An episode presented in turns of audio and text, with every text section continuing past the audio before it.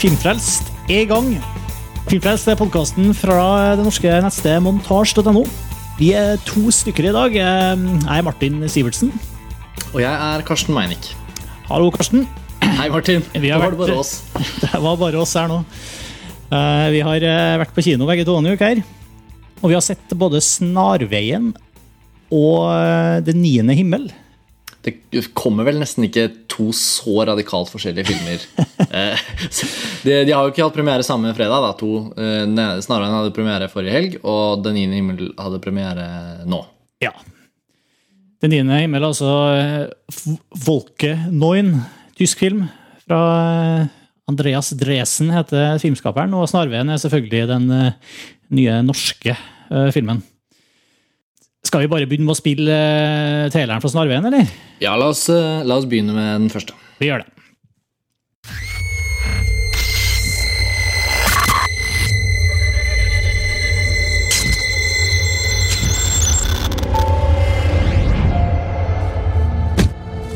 Hei! Du, Har du lista den? Selvfølgelig. Metall og sprit.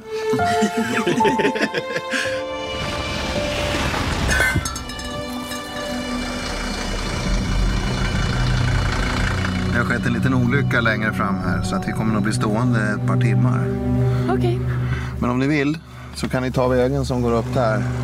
Det är en liten omväg men det kommer att gå snabbare än att stå kvar här.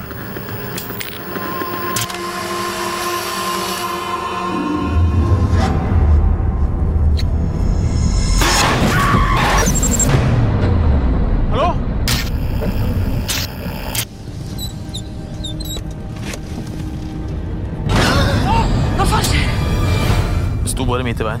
Den här tjejen hon bor lite längre neråt vägen här borta. Det är inte första gången som jag hittar henne så här.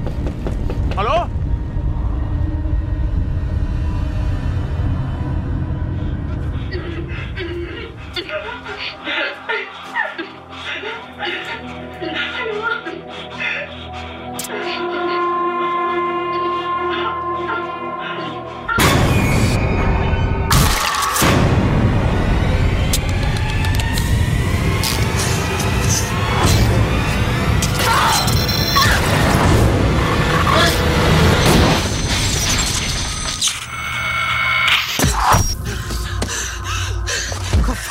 Faen skjedde har skjedd med deg? Du må ringe politiet. Politiet? er, er det ikke bedre at vi ringer lege?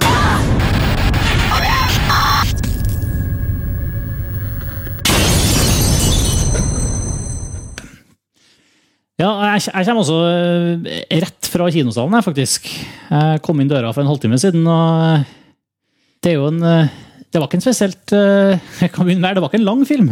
Nei, det er, ikke, det er ikke en veldig lang film. Det virker nesten som den Den har et sånn samfunnsansvar. Som, eh, som litt sånn eh, eh, Hva skal man si Veldig, veldig sjangertro, eh, formeloppbygd horrorfilm. Så tenker jeg liksom at den nesten har vært litt sånn omtenksom ved å være så kort. I hvert fall sånn følte jeg det. Liksom, ja, Så deilig at den liksom ikke varte lenger enn det.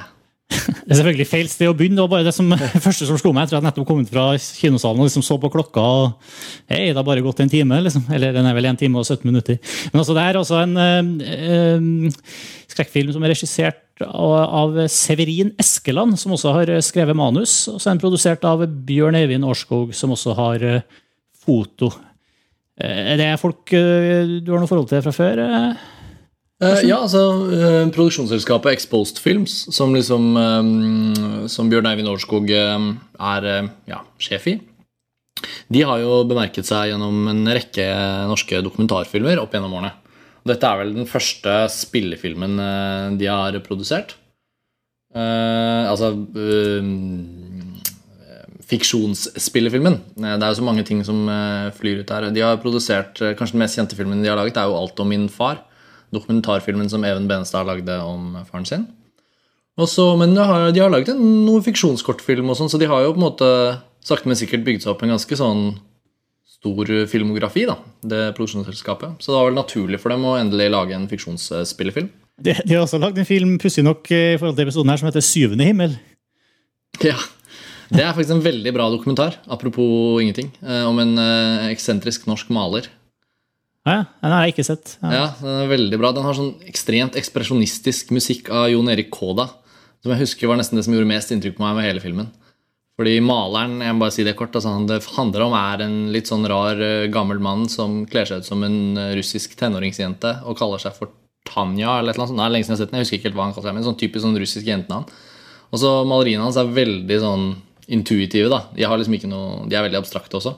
Men uh, han går rundt inne i galleriet og beskriver liksom maleriene. Og han beskriver dem bare med lyder i, det, i en scene i dokumentaren. Da. Og da har han Koda komponert musikk som er helt sånn som nesten er sånn, som fargelegger eh, hele scenen, akkurat som han maler bildene sine. da. Det husker jeg gjorde så inntrykk på meg. Det er eh, liksom en sånn scene jeg ikke kommer til å glemme. Så det var Den syvende himmel, den dokumentaren. Det høres jo kjempespennende ut.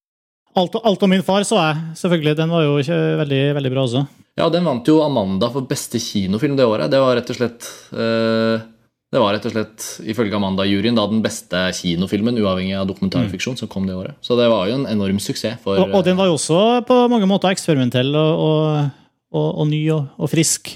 Ja, altså, Det var jo et emne som særlig gjorde veldig inntrykk på mange. da. Det var jo en som, og jeg ble veldig rørt av den filmen. Det var, det var jo en sterk historie om forholdet innad i en familie til en eh, far, eller en far og en mor i samme person, som, eh, som skaper veldig mye ja, kjærlighet, men også rivninger innad i den familien. Da. Det, det er vel mange som har sett den filmen nå, tipper jeg, for den har gått mye på TV og sånn, men eh, ja, det, disse filmene har jo satt eh, produsenten veldig på kartet, da.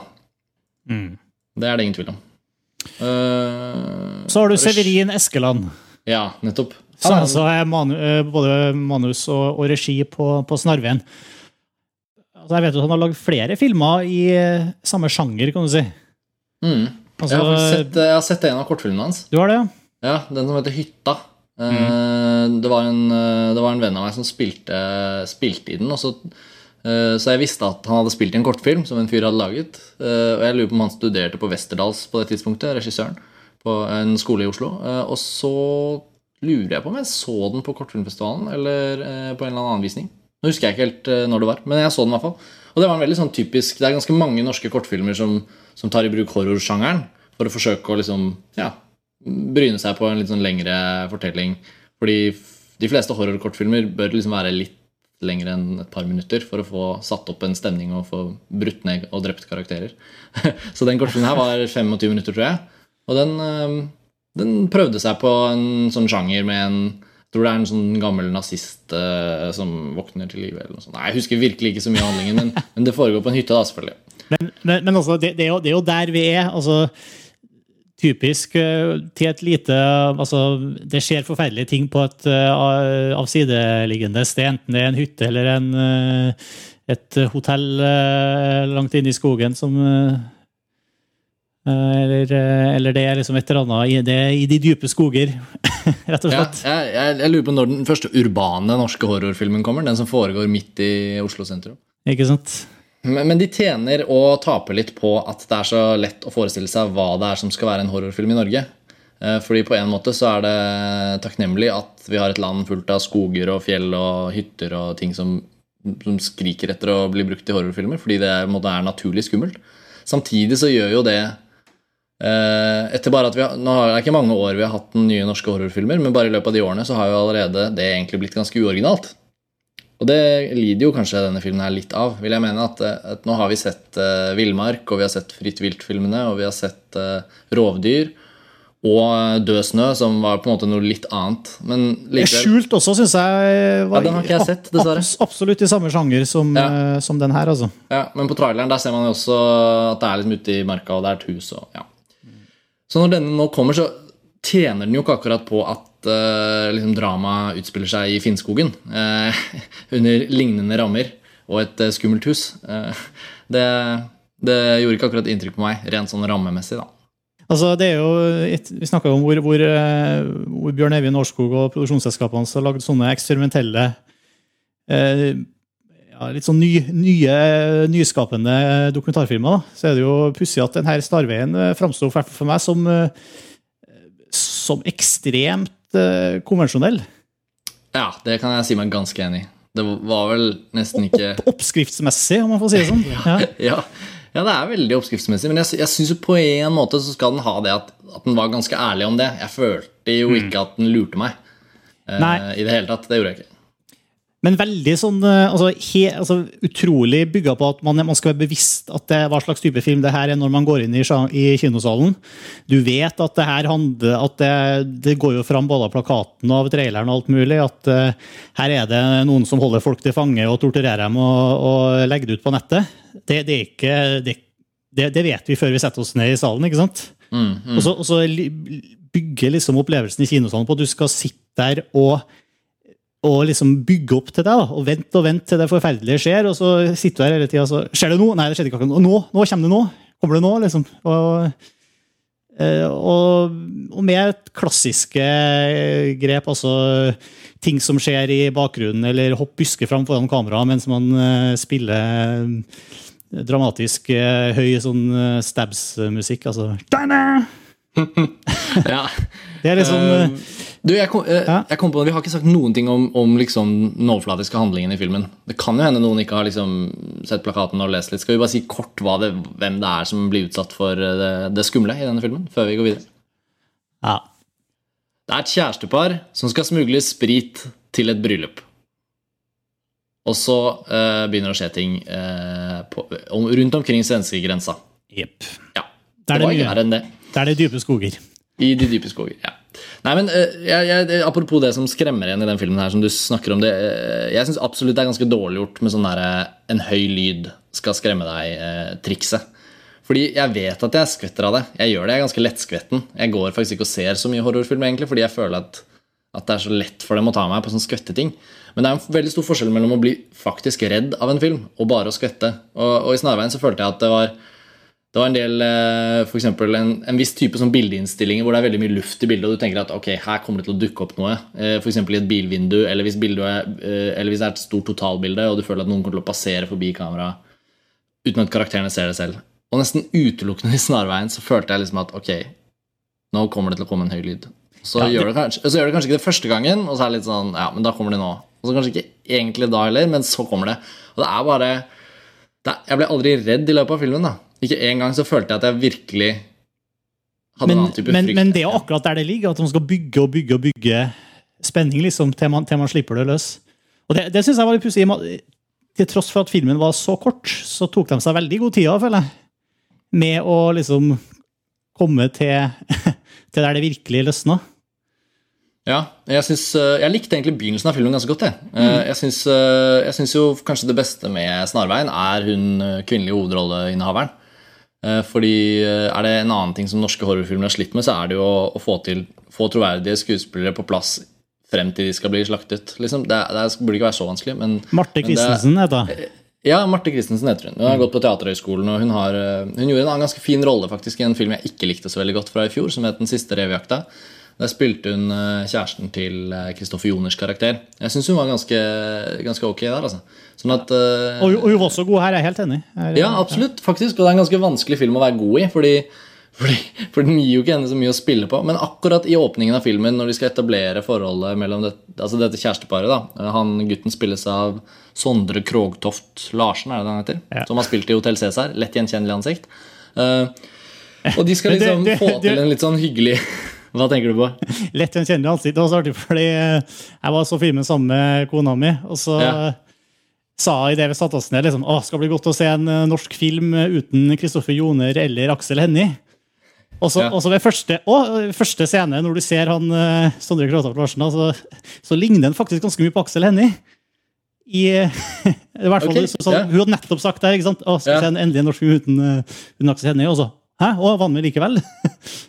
Men hvor lang tid tok det før man sa at det ikke var han? da? Nei, nei, det, tok, det gikk jo fort. Altså, du, det, det. Man sier at det ikke er han, liksom, han, det, det, han, er, han er ikke ulik, da, for å si det sånn. Nei, Nei det har ikke jeg tenkt på før, egentlig. Verken i eh, stemme eller, eh, eller utseende, akkurat. I hvert fall ikke Ja. Ok, det var en digresjon. Sorry. Ja, uansett, altså, altså, Jeg syns jo ikke han fungerte dårlig heller, altså. men det, var jo, det er jo hun som er hovedpersonen i filmen. Sånn at eh, det er jo henne det hviler mest på. Og, og i åpningen av filmen så, så har de, altså, det, det er morsomt, og vi, vi, må jo, vi må jo snakke litt om norsk horrorfilm generelt. Fordi nesten alle åpner med at pers hovedpersonene er i en bil eller i et transportmiddel. Det er liksom nesten fast. Eh, og også i denne filmen så, vi liksom, blir vi kjent med karakterene gjennom scener i en bil hvor de kjører et sted. Det samme skjedde i Død snø, det samme skjedde i Fritt vilt, det samme skjedde i Rovdyr. Eh, karakterene er i en bil, de kjører litt, og så skjønner vi å, de er kanskje kjærester. eller de er liksom en sånn, sånn tone. Men i den filmen her så var det heldigvis bare de to, da, og det var egentlig en ganske sånn trivelig dialog mellom dem, og den kunne man liksom tro på. Og det syns jeg betyr så mye. Det var ikke en stor scene, men det betyr så mye at liksom de satte en tone hvor jeg ikke reagerte på at det var dårlig skuespill. Så det syns jeg Snarveien skal ha. At liksom de første 10-15 minuttene av den filmen her, det, da ble jeg veldig sånn Oi, dette var jo mye bedre enn jeg trodde. Men jeg vet ikke hvordan du opplevde den. Ja. Jeg opplevde også at den eh, de første Altså, iscenesettinga funka bedre enn eh, Hva skal jeg si, en, en avslutning, avslutninga, for min del. Ja. Um, og ikke minst i forhold til skuespill. På slutten så, så følte jeg at uh, kanskje timing og alt mulig på, på liksom dialog og, og ikke minst uh, for, uh, samspillet mellom hovedpersonene, uten at vi skal gå inn for mye hva som skjer på slutten. og sånn. Jeg, jeg, jeg følte ikke at det satt med samme satt like tett. Det er en veldig tight film. Den er jo veldig mm. rett på sak, og den eh, virker veldig trimma i, i klippen. Det, du Ja, det- studerer klipp, det virka som de nesten, nesten hoppa over litt for mye. Ja, nei, jeg syns det var absolutt uh, veldig passe. Uh, den Men det, det, det funka. Uh, Ja, det ja. gjorde det. Det er, jeg, har, jeg har egentlig ikke noe klag på denne filmen, her, også, bortsett fra at den, den det, det gir meg ganske lite.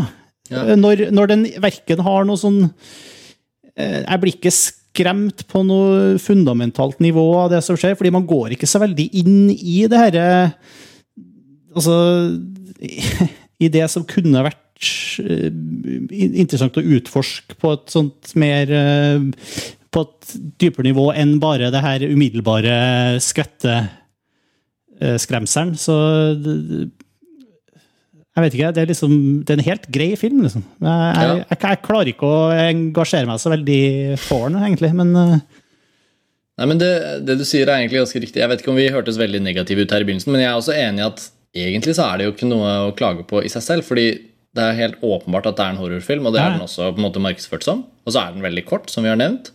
Og så fyker man liksom gjennom filmen, og det er jo veldig sånn De går hele tiden til noe nytt, og de, karakterene beveger seg gjennom disse trusselbildet som dukker opp, og de gjør sitt uh, for å overleve. Og, og, og, og på en måte så kommer alt ganske greit, og så er det liksom over. Men, men den gjør jo ikke veldig inntrykk, og, det er jo på en måte noe negativt, men samtidig så tenker jeg liksom at det var liksom helt greit. Og da jeg så den, selv om det ikke var så mange i kinosalen, det var kanskje ja, femtedels fullt, så var det absolutt liksom reaksjoner. Det var jo liksom en gruppe med tenåringer som satt sammen og skrek og bar seg og skvatt og lo. Og liksom. Det var en sånn reaksjon på filmen. Sånn at uh, det var jo Den funket, tror jeg, egentlig ganske godt som horrorfilm. Så det er egentlig litt synd at den ikke ser ut til å ha truffet det store publikum helt, da, hvis man ser på besøkstallene.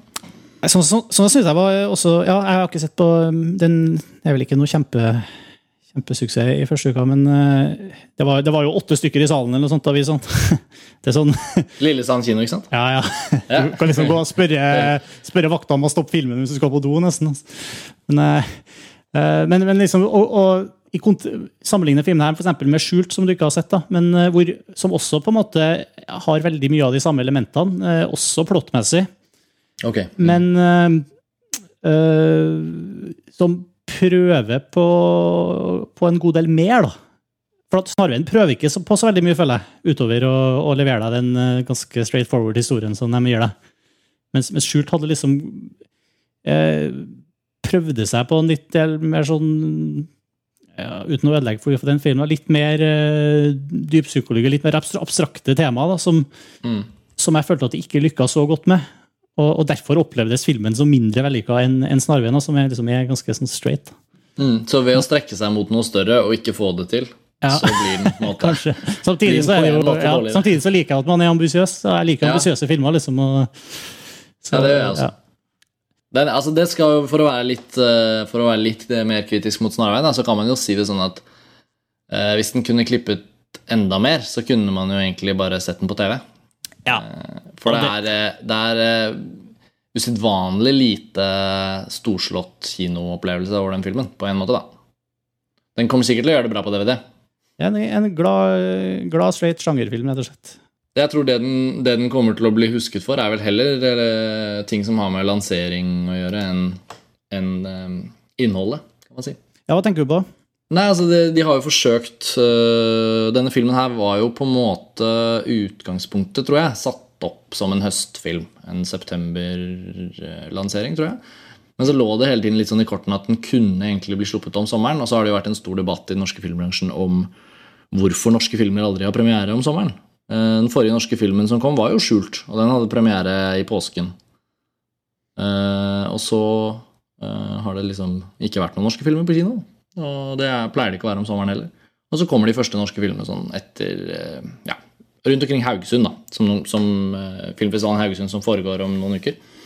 Eh, Men så flyttet de skjult fram, og så fikk de en sånn ekstraordinær støttebevilgning fra Kulturdepartementet, fra Trond Giske. Hvor han ga dem en ganske stor slump, flere hundre tusen kroner, for ekstra markedsføring som sommerfilm. Og da uttalte produsenten veldig sånn Man kan si at han uttalte seg litt bardust eh, om at dette kom til å bli en film som fikk den samme storslåtte lansering som store Hollywood-filmer og sånn. da.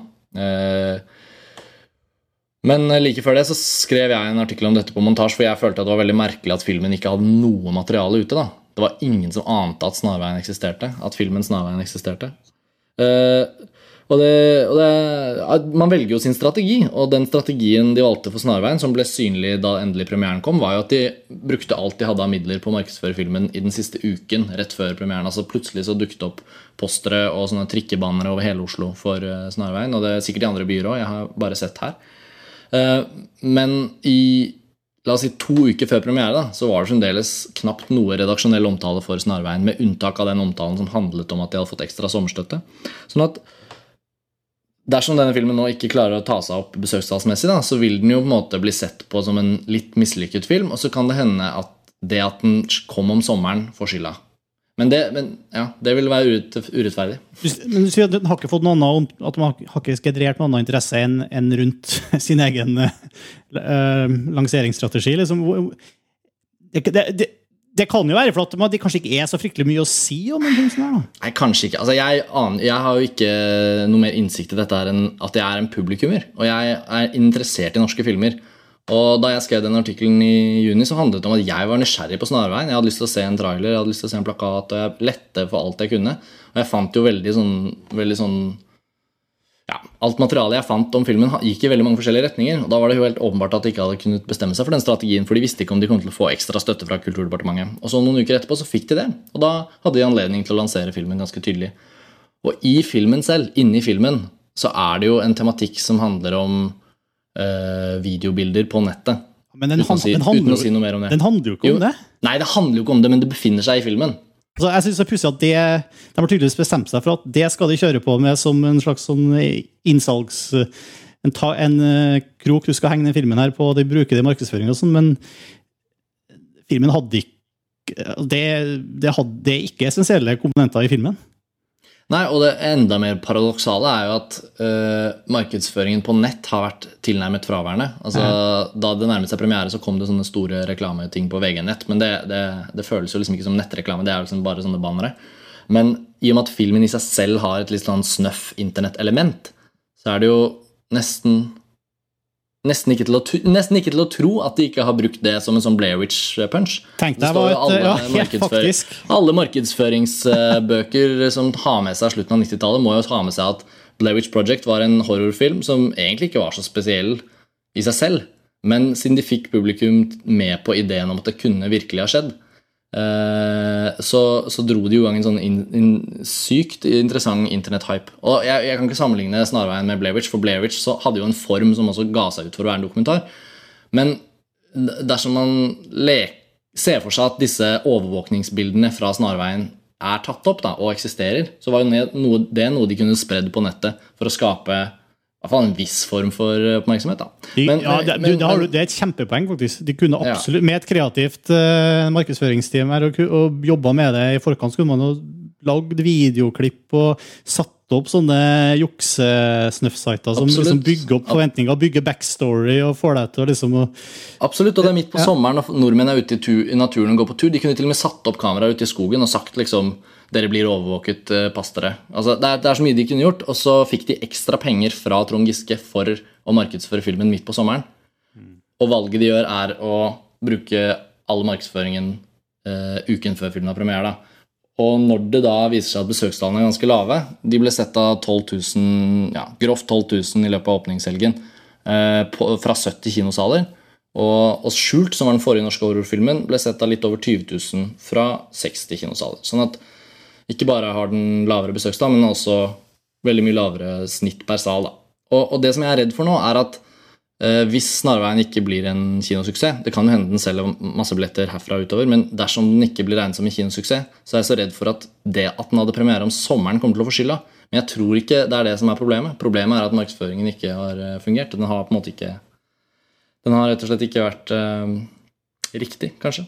Jeg er jo ikke noen ekspert på det, men jeg bare føler liksom at, uh, Nei, men at det, den, du har et veldig godt poeng der, altså. Det har, mm, skal man først kjøre den derre eh, overvåkingskamerasjangeren der, så kunne man gjort mye med det. Jeg tror kanskje til og med jeg ville ha likt filmen en bedre hvis jeg hadde hatt en del kontekst rundt den. da. Hvis jeg hadde Ja. vært litt for Altså hadde bygd, bygd litt sånn mytos rundt den, på en måte, hadde kanskje gitt den mer, da. Ja, og så har man jo, Vi er jo, lever jo i en tid hvor det å fortelle en historie ikke nødvendigvis bare trenger å foregå på ett i ett format. Altså, Du forteller en del av historien i en kinofilm, men de kunne jo utbrodert den historien og fortalt den i nettepisoder og gjort masse sånne ting. Men Vi kan ikke bruke hele podkasten på å snakke om det, men det, er, det føles litt som en sånt, eh, litt sånn tapt mulighet. da. Særlig når de fikk eh, Jeg er ikke sikker på beløpet, men jeg tror det var opp mot en halv million ekstra av Kulturdepartementet til å markedsføre den. Og jeg skjønner liksom ikke helt hvor de pengene har blitt av. Men selvfølgelig, det koster sikkert mye penger å smekke opp sånne store plakater over hele Oslo også. Så det, ja. Men vi får se hvordan det går med den. Vi får se hvordan det går. Du kommer i hvert fall til å gjøre det bra på DVD, så det, det er jo fint. Ja, du kan til og med se flere filmer den kvelden. ja, ikke sant? Du kan se den to ganger. Eh, Men skal vi hoppe over til, til vår andre hovedfilm. Ja, da reiser vi til Tyskland. Niende himmel. Her er traileren.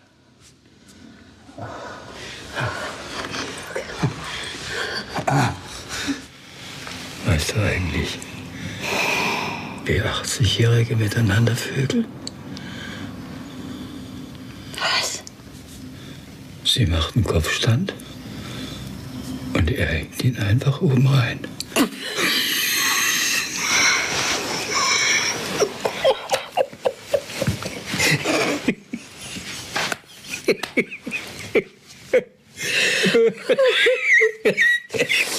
Das ist gut. Lustig. Für die Zukunft.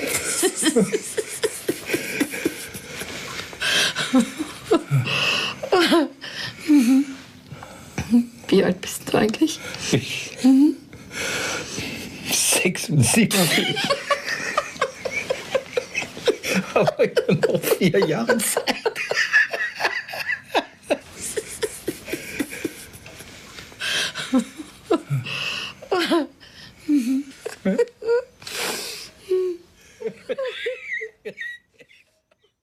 Er, altså, jeg syns den er veldig morsom, den, eh, den traileren. da. Ja, altså det er jo eh, Bare for å si det, det er som sagt tysk, eh, og det er jo, det er jo en science fiction-film. Den er jo satt i, den er jo satt i et alternativt univers, der eldre mennesker er seksuelt aktive. Jeg har hørt om det. Eirik fra Montasj og jeg vi var på Gimle og så en film som heter Igor Stravinskij og Coco Chanel. Eller Coco Chanel og Igor Stravinskij. Og, og Gimle-publikummet er jo et litt sånt voksent Oslo-publikum. Og, og, den traileren her, eh, hvor han slenger den spøken om hvordan 80-åringer eh, får til å ha sex, den ble liksom surra da før eh, denne veldig sånn elegante filmen om Coco Chanel og Igor Stravinskij. Og det, det, det var jo en litt sånn morsom stemning, for det var ganske mange gamle mennesker i salen. Eh, og filmen er jo Den er, bryter jo nesten et tabu, vil du ikke si det? Ja, Det var en ganske befriende film å se, eller hva syns du? ja, ja absolutt. Det er jo jeg, jeg, jeg mistenker at det her ikke er første gangen det er gjort. Men jeg klarer ikke å komme på eh, hvilke andre steder jeg har sett det. Ja, nei, Jeg kan heller ikke huske å ha sett en film eh, hvor, hvor det nesten utelukkende er karakterer som er eh, pensjon, altså pensjonistalder. Eh, filmen handler jo om en dame som er i slutten av 60-årene, vil jeg si. noe sånt. eh, som er gift med en fyr som er ganske mye eldre enn henne, og som er ganske skrøpelig. Eh, og så innleder hun et forhold til en annen mann. En mann som hun reparerer bukse for, eller stryker bukse for. Og en eldre mann som er over Ja, 70. han er jo 76 år gammel, eller noe sånt, er det ikke det han sier? Ja, hun er 64, og han er 70, et eller annet. Eller, eller et eller annet. Men, ja. men kjærligheten blomstrer. Og de er jo kjempekåte, og det er jo ingenting som står i veien for dem. Og filmen viser alt. Så det er på en måte et trekantdrama. En utrolig tradisjonell historie sånn generelt, men med eldre mennesker. og Derfor blir den veldig original. Eller? Ja, Jeg, jeg- jeg opplevde den veldig som en sånn superoriginal film, men etterpå tenkte jeg liksom Historien er jo en historie du har hørt en million ganger før. Ja, altså det, det er jo en veldig sånn enkel historie. Veldig rett. i et trekantdrama. Det er vel bare fire roller i filmen, tror jeg. Det er å snakke om, i hvert fall. Og det er liksom de tre hovedpersonene, og så er det da- dattera til, til hun Inga. Ja, nettopp. Ja. så, um, og og det, det foregår veldig mye inni eh, leilighetene deres. Og, og, og det, er ikke noe, det er ikke noe hooks her utover at det er at, utover alderen til, til hovedpersonene. Men, men jeg, jeg synes det, det, det føles veldig friskt likevel. Altså, for vi, vi ser ikke det her så ofte. Vi, vi har ikke sett noe sånt før. Og, og, og så, selv om det er kjærlighetshistorien, den får liksom en sånn ekstra trykkende sånn dødsdimensjon. Fordi det er mennesker som er så, så De har levd lenge, de, de har investert sine år på bestemte måter. og det, det liksom, og de er så, så nærme slutten av livet at, eh, at det, historien blir så mange ganger mer interessant av det, føler jeg. Mm. Og det, det, ja, det gjorde det interessant. Men, men liksom, samtidig så syns jeg at det var en relativt treg film. Det er det. Det er, det, er et, det er et tysk drama i ordets aller verste forstand, hvis man kan si det sånn. Ja, den er veldig ja, jeg, jeg husker jo at etter dere var på, i Kalovi Vari på filmfestivalen, så hadde jo flere av dere sett den nye filmen til Andreas Dresen, som han har lagd et, etter Folkenøyen. og da eh, det var liksom eh, var det, det var noen av dere som likte den, vet jeg, og, men andre som sa at det var gørrkjedelig, og jeg hadde ikke noe lyst til å se Niende himmel etter å ha sett den. Og, Ja. Ehm, hva, hva, fikk du sett eh, den? eh, Ja, Whisky mitt vodka, het den. den Nettopp. Whisky og vodka. Eh, jeg um, fikk jo ikke vært med på den podkasten etter Karlovy Vari, men, men um, Altså, jeg, da jeg satt og så Whisky og vodka, da, som er da den nye filmen uh, til uh, Andreas Dresen, så koste jeg meg ganske mye. Altså, jeg satt og lo og hygget meg egentlig med filmopplevelsen. Problemet var at rett etterpå så følte jeg liksom at det var egentlig ganske hul film. Det var, etter hvert som jeg tenkte litt på den, så tenkte jeg uh, den var jo morsom, men den var veldig veldig overfladisk morsom. Det var nesten som en episode av en litt sånn uh, sitcom-serie. da. Litt der. Og han, han jobber jo innenfor eh, et grenseland mellom kino og TV-estetikk. Det syns jeg også Den niende himmel bærer preg av. Ja. At han, han er ikke noen stor visuell uh, kinofilmskaper. Det syns jeg ikke. Han har jo, jeg sitter jo og ser på, nå på Andreas Dresen sin, uh, sin karriere her. Han har, jo, han har jo gjort veldig mye TV. Han har det, ja. Ja, han har, han har noe lang tidligere bakgrunn altså. som, eh, som TV, tysk TV-filmskaper. ja. Ja, det kommer gjennom i filmen, på en måte. Litt negativt, vil jeg si. da, men... Den er litt sånn eh, skal, eh, Så vidt jeg har skjønt, så var filmen litt sånn dogmeaktig eh, lagt opp. At, at det var Eh, altså. Ja, altså det var Ja. veldig mye eh, Litt sånn håndholdt, føltes nesten litt sånn tilfeldig eh, kamerabruk og, og mye improvisert dialog. Skuespillerne hadde visst ganske frie tøyler, tror jeg. Og, Mm, og så har det vært veldig lite, veldig lite crew. Altså, Eirik la merke til det etter at vi hadde vært og sett filmen, at på rulleteksten så var det jo veldig få som hadde jobbet på den. Så de har sikkert vært, vært en veldig liten gruppe, og så har de jobbet eh, nært opp mot skuespillerne. Og det er jo kanskje filmens ypperste kvalitet, er jo at disse gamle skuespillerne, gamle tyske skuespillerne som spiller disse gamle menneskene, de er jo helt fullstendig troverdige. Og de er eh, veldig lite blyge overfor eh, det de må ofre for å skildre disse scenene. Da. Det er jo veldig mye nakenhet og veldig lite tilbakeholdenhet som man kunne avslørt, som ville tatt form av dårlig skuespill. Altså, det er veldig sånn intim film. Ja. ikke sant? Veldig intim. Det er nesten så det ikke er noe kamera der. Og det, og det er en prestasjon at de har fått til. Altså. Og jeg syns den er rørende også, egentlig. at liksom, Hvis man ikke tenker så mye på form da, hvis man, Jeg har i hvert fall opplevd den som en veldig film hvor jeg kom inn i de karakterene og deres eh, liv. Og det at den går sakte, kan man på en måte kritisere den for hvis man ikke er inni det, men jeg var ganske inni det. Og det å se disse gamle menneskene som lagde sin filterkaffe og liksom vasket sine kropper, og det var liksom Det er eh, et liv som vi alle, forhåpentligvis Eller, ikke sant Hvis man får anledning til å bli gammel, da, hvis man lever så lenge, så vil man jo møte en virkelighet hvor ting tar litt lengre tid, og man, man gjør ting litt møysommelig. Og, men det er ganske flott at denne filmen forteller oss at man også kan ha et rikt kjærlighetsliv. da. Så den, den, den handler jo om noe veldig humant, som egentlig er eh, fryktelig viktig. Nei, så, så det ligger liksom der. Altså det, den er, det er en, et tregt, nært, tyskt, intimt TV-drama, på en måte, som er eh, Men den er god likevel, på en måte. Underfladisk. Eh, god, god rørende. og Ja, jeg kan ikke noe annet enn å anbefale Ja, absolutt. Og så er det noe ganske annerledes. da. Det, er- det, er, det er noe nytt, på en måte, selv om det, selv om det er et, et kjærlighetsdrama. Men det er eh, Jeg tror nok Dersom noen uh, gambler på denne filmen her Hvis de ser tittelen, og så bare går de inn og ser den filmen og aner ikke hva de går inn for å se, så tror jeg nok det kan være en del mennesker som ikke helt faller for denne filmen. Jeg, eh, hvis man er eh, klar over hva innholdet og tematikken er, og er interessert i å se en film om det, så er dette en veldig, veldig givende film, tror jeg. Jeg tror det betyr, det betyr litt at du vet hva slags film du setter deg ned for å se. Eller hva syns du? Ja. Er litt, altså all, all, nesten all eh, medieomtalen av filmen, som det har vært ganske mye av faktisk i det siste og den får, fordi at den her, Det går jo på eh, at her er det Ja, som du sier, her er sex og nakenhet med, med eldre. Det, er, er- hvor viktig syns du det var i filmen? Hva, hva, At det var sex og nakenhet? Ja. Jeg syns ikke, ikke det i seg selv nødvendigvis var viktig. Det jeg syns var viktig med filmen, var jo på en måte at For det som er originalt, er at det er eh, mennesker som er i slutten av sine liv, som likevel eh, har et drama og følelser eh, som resulterer i at det er et kjærlighets-trekantdrama, en konflikt. Og den konflikten skildres nesten aldri hos mennesker i den aldersgruppen. Men det er selvfølgelig ikke noe mindre naturlig, egentlig.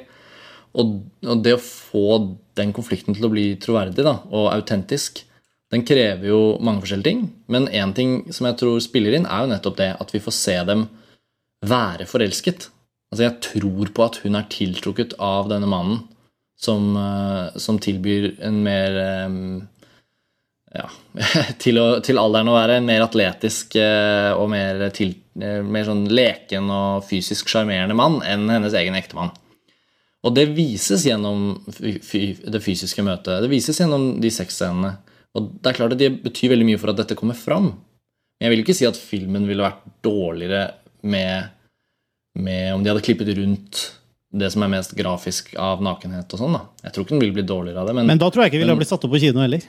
Nei, det er kanskje sant. Det kan vi jo få distributøren Arthouse til å svare på i kommentarfeltet. Det, det er jo en film som, som holder høy kvalitet selv uten de scenene. Men den er veldig veldig vanskelig å markedsføre uten en sånn hook. Ikke sant? Og Men- den har de jo brukt veldig aktivt. Det, det jeg savner i mye av medieopptalen der, jeg har ikke sett så mye reaksjoner fra eldre mennesker som har sett filmen. Nei, altså Vi har jo dessverre ikke så mange filmkritikere som er oppe i åra lenger. Så Nei. vi har jo på en måte får ikke heller det perspektivet uh, i, i anmeldelsene. Um, en uh, litt sånn For jeg kan ikke si at det er fint, og det er veldig fint at vi får se hvordan eldre mennesker egentlig er. Ja, ja. hvordan opplever eldre mennesker selv. Altså, Reaksjonen på den traileren på Gimle var jo litt sånn Litt sånn halvflau, og folk så seg litt rundt og sånn. Men, men jeg vet ikke. Filmen er satt opp på Vika og på Ringen i, i Oslo, som ikke er noen sånn nødvendigvis veldig sånne typiske kinoer hvor, hvor det eldre publikummet går. Det er jo hovedsakelig Gimle som er der som har den posisjonen som kino i Oslo. Men blant kritikerne så har det også vært veldig varierende. Uh, anmelderen i Dagsavisen, uh, Espen Svenningsen Rambøl, som uh, jo er en rimelig ung mann, i 30-årene, tipper jeg, han ga den jo terningkast to. Og veldig mye av det han skrev, handlet om at han ikke, ikke taklet eh, nettopp dette. At det var nakne, gamle mennesker. Eh, han, han beskyldte filmen for å mangle manus, f.eks. Og det, det slår meg som en litt sånn banal ting å si, fordi den har jo et veldig tydelig manus, liksom. Det er jo et drama som oppstår, og mennesker som tar valg, og, og liv som beveger seg i ja, retninger som du ikke kan gå tilbake fra. Altså det, det er masse som skjer i løpet av denne filmen. Den har en veldig tydelig historie. Og det følte liksom at mye av kritikken han lette etter, var liksom som, som en sånn reaksjon på det at han ikke likte det han så. Så prøvde han liksom å finne ting som han mente ikke funket. Men den ble veldig usaklig da, på sin måte. Og så har man andre kritikere som har vært veldig positive igjen, og, men som kanskje faller litt for at det var et tabu. da. Jeg tror det er en ganske vanskelig film å egentlig skrive om. Eh, Jeg har ikke helt visst hva jeg skulle si, men jeg visste i hvert fall at jeg likte filmen. nå som vi skulle snakke om den. Men dersom man liksom skulle virkelig gå inn i den, så kan man på en måte si at den er veldig enkel og litt sånn TV-aktig. Men så kommer man ikke unna denne tabubiten som vi har snakket så mye om, som, som skiller filmen veldig vekk fra, fra det vanlige. Men det er modig at den settes opp, da, syns jeg. For det er vanskelig film å selge. Så vi, vi får se om den får noe besøk eller ikke. Ok, det var, det var niende himmel. Har du gjetta klippet fra forrige gang nå, Karsten? Det har jeg ikke, Martin. Jeg har hørt på det flere ganger, og jeg tror rett og slett bare jeg ikke har sett denne filmen. Det er veldig artig, skjønner du. Fordi, eller bare for dem som ikke har hørt på Vi har jo en konkurranse her hvor, eh, som heter Gjett eh, Eller hva heter den? Vi- Som går ut på å gjette filmen. Gjett filmen. Gjett filmen kan vi godt kalle den. Eh, Vi spiller et eh, klipp, og eh, opp til deg som hører på, og gjett hvilken film det er, og send oss en mail, og så trekker vi en vinner. Poenget var at eh, vi har hatt et klipp gående nå to uker, og eh, første gang vi spilte, så var det ingen som visste hvilken film det var fra. Eh, og klippet kan jeg spille nå. Her er det. Oh, that was wonderful. I feel so refreshed. I think we should have had sex, but there weren't enough people. We'll use the orgasmatron. That's a good idea. Come on. You know, I think Beverly Snow's the larger tonight. Oh, I, I...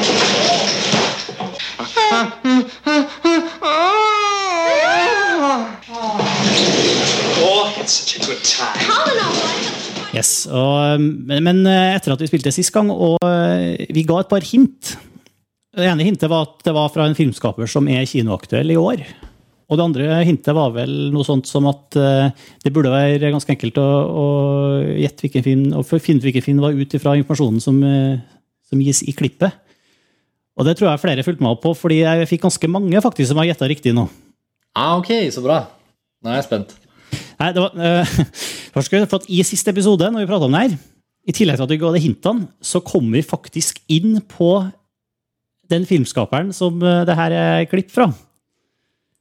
Gjorde vi det? Og Da lurer hovedrolle... jeg på om jeg, da lurer jeg på om jeg vet hvilken regissør det er snakk om. Ja, fordi hovedrolleinnehaverne i den filmen som klippet her er fra, er faktisk hovedrollehaverne i den filmen vi snakket om på slutten av forrige sending.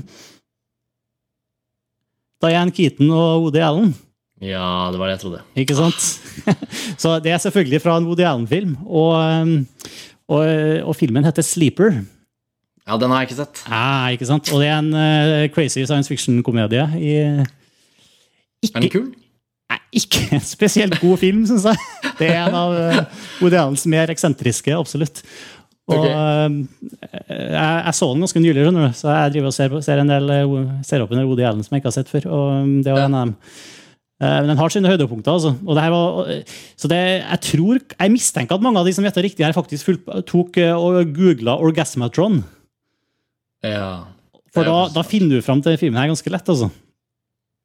Eh, Men det er også kanskje noen som har sett den. da. Uansett, Kenneth Rønningen, du eh, var en av dem som hadde tippa riktig, og vi har trukket ut deg som vinner. Du får eh, to montasje T-skjorter tilsendt i posten. ja, for det var to episoder. Ja, Ikke sant? Da ble jack jackpot-effekt, så vi dobla premien.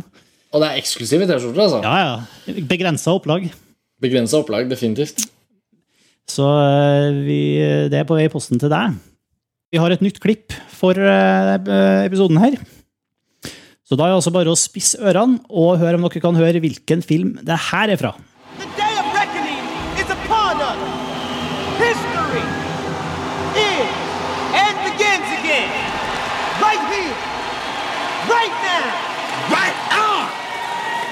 Of all things. You know, I know it's the end of the world, Lenny. No, tell me. As everything's already been done, you know? Every kind of music's been tried, every government's been tried, you know? Every fucking hairstyle, fucking bubblegum flavors, you know, breakfast cereal, every type of fucking, you know what I mean? What are we gonna do, man? How are we gonna make another thousand years, for Christ's sake? I'm telling you, man, it's over. We used it all up. Så det, hvis du vet hvilken film det var fra, så send oss en mail. Adressen er filmfrelst at montage.no. Skriv gjerne noe i tittelfeltet om at eh, det er konkurranse for Filmfrelst 23. Så det. Bra. Lykke til, alle sammen. Lykke til! Har du sett noe eh, annet gøy i siste, Karsten? Siden sist um, jeg, uh, jeg har ikke sett så mye film siden sist. egentlig. Det har du ikke. Um, altså det var den ene filmen som, uh, som det er en stor artikkel ute på montasje om nå, som har blitt vist på Bollywood-festivalen. Uh, den kan jeg veldig varmt anbefale. Men der, den står det jo veldig mye om på montasje, så jeg vet ikke om jeg skal sk- si så mye mer her nå. Men, men det er i hvert fall en animert uh, film fra en amerikansk filmskaper. Den heter Sita Sings the Blues.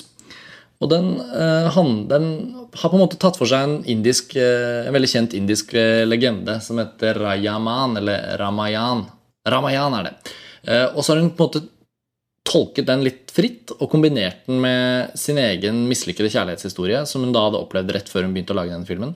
Så har hun knyttet alt dette sammen med elleve jazz- eller blueslåter fra slutten av 1920-tallet, som er sunget av en dame som het Annette Hanshaw. En litt sånn glemt eh, dame. Men som har veldig flotte melankolske kjærlighetssanger, som da er originalopptak fra slutten av 20-tallet. Og, og disse er da sydd sammen med denne indiske myten og denne kontemporære kjærlighetshistorien som, som er autobiografisk. Og filmen er da bare sånn veldig, veldig original og sånn full av farger og kjempestilig animasjon. Eh, Og, og da med en veldig moderne distribusjonsstrategi, kan man si det sånn. Det står mer om det i artikkelen på montasje, så, på det kan dere lese. Men alle har da anledning til å se denne filmen, så det er jo en morsom del av Bollywood-festivalen pågår jo faktisk akkurat nå mens vi legger ut Mm. eh, episoden her. Mm, I Lørenskog og Oslo. Mm. Jeg har veldig lite forhold til Bollywood, må jeg innrømme. Eh, Jeg, jeg har sett lite, jeg også. Altså. Jeg tror det er gigantisk verden å sette seg inn i, men jeg tror det er veldig mye å glede seg over. Altså. De beste filmene derfra er jo noen av de mest populære filmene i verden, hvis man tenker på størrelsen på publikummet. folk flest bor i India. Ikke sant? Og kanskje Danny Boyle har eh, økt interessen for det òg. Ja, Det er jo ingen tvil om det. Det er jo et bilde fra Slumdog Millionaire som de bruker som markedsføring av. Bollywood-festivalen. Så det, det, det selges jo lettere inn mot norske, norske kinopublikummere. Samtidig som Bollywood-festivalens viktigste publikum er jo første, og tre, andre og tredje generasjons innvandrere av indiske og pakistanske uh, mennesker. Mm. Som, som får muligheten til å se masse film de er veldig glad i. Sånn på, på kinoer i Norge. Så det er, egentlig så er jo det en kjempeflott eh, festival. Kunne sikkert hatt mange flere sånne nisjefestivaler, tenker jeg. Det er bra. Bollywood-fest. Selv så har jeg sett ganske mye forskjellig. Jeg tenkte kanskje jeg skulle trekke fram én eh, anbefaling her. altså. Jeg har sett uh, helt uh, nå nettopp uh, Directors Cut-versjonen av Kingdom of Heaven. Ridley Scotts store episke produksjon fra 2005. Har du sett Kingdom of Heaven, Karsten?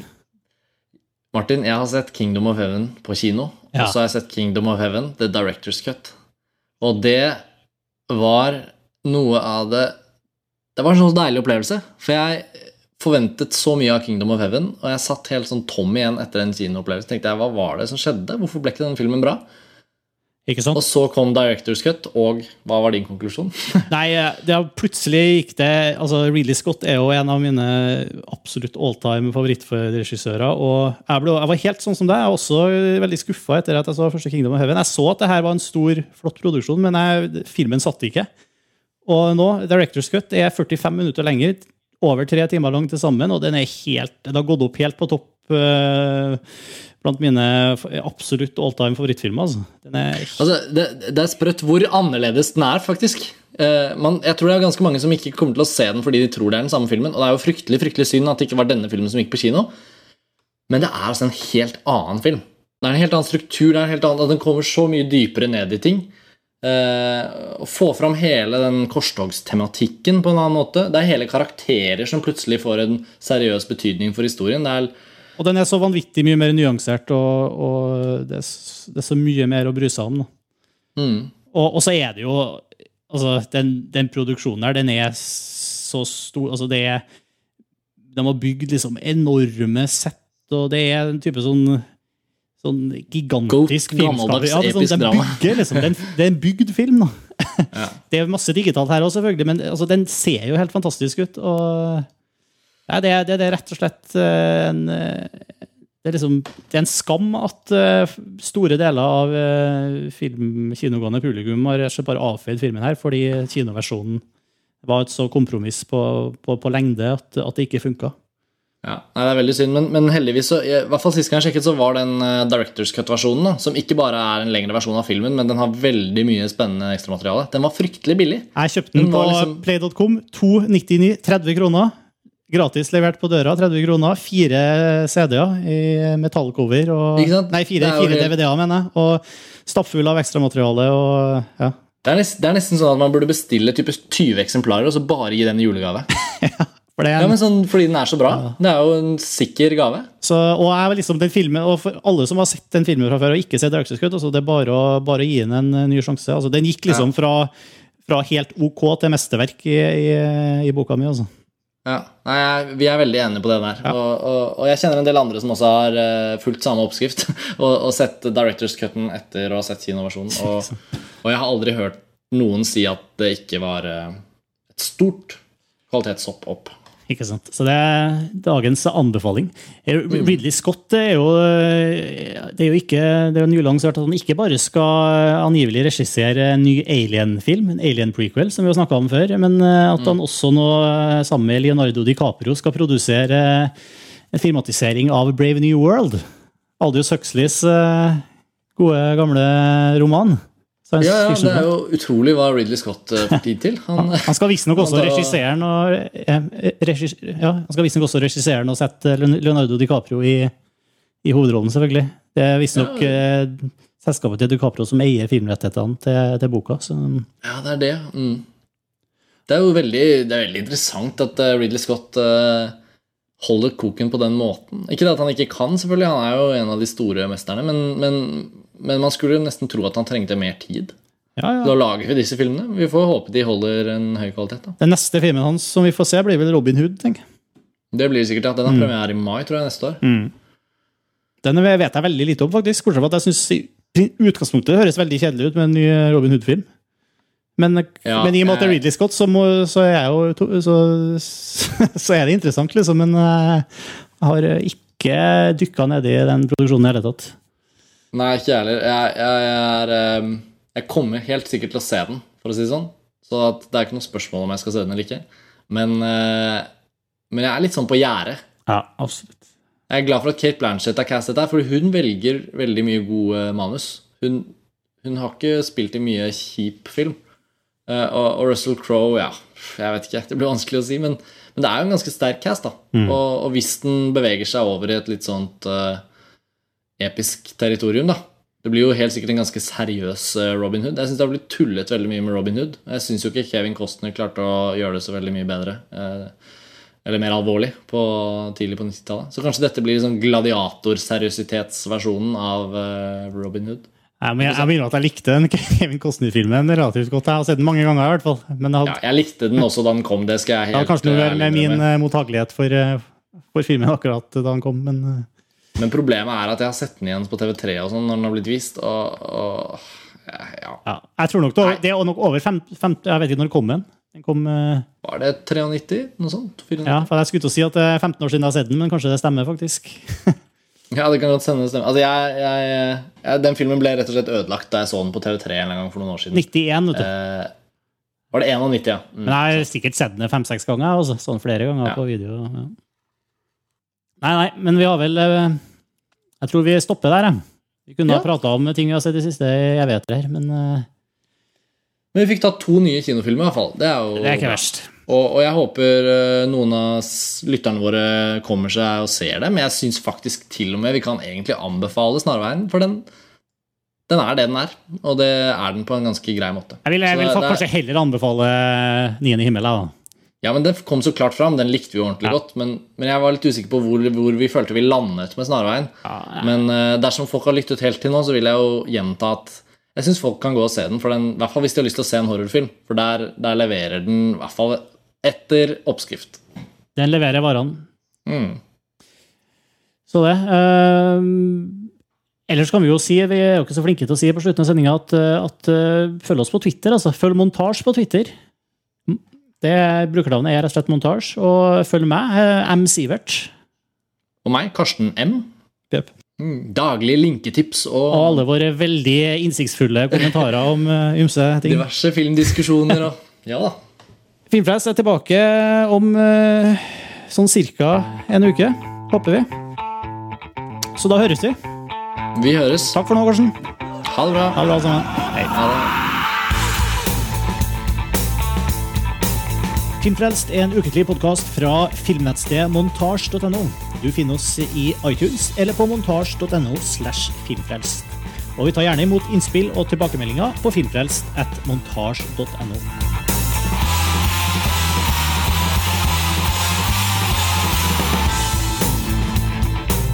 Og musikken du hører nå, er fra det norske bandet Ping. Hør mer på thepingpage.com.